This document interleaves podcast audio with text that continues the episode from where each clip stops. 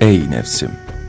Bil ki insanları sahip oldukları nimetlerden dolayı kıskanmak ve onların dünyalıklarıyla kalbi meşgul etmek en büyük cehalettir. Onlar kendilerine verilen nimetlerle kalplerini meşgul ederlerken sen sana verilmeyenlerle kalbini meşgul ediyorsun. Bu yüzden onlardan daha cahilsin. Gözünden rahatsız olduğunda tedavi ettirmek için hemen çareler aramaya başlarsın. Dünyanın fani güzelliklerini temaşa etmekten, dünyevi zevklerden mahrum kalmayayım diye yaparsın bunu.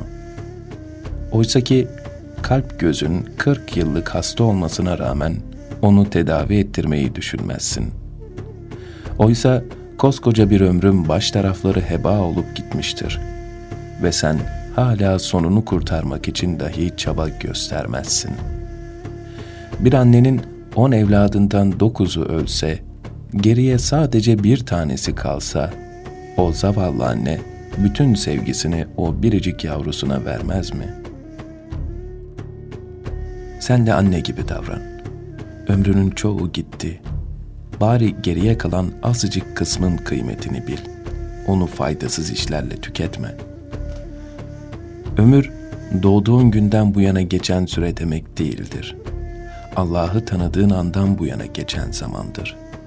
Sakın ümitsizliğe kapılıp da bundan böyle yardım kapısı kapandı deme. İnsanların Allah'ın rahmetinden ümidini kesmeleri istenilen bir şey değildir.''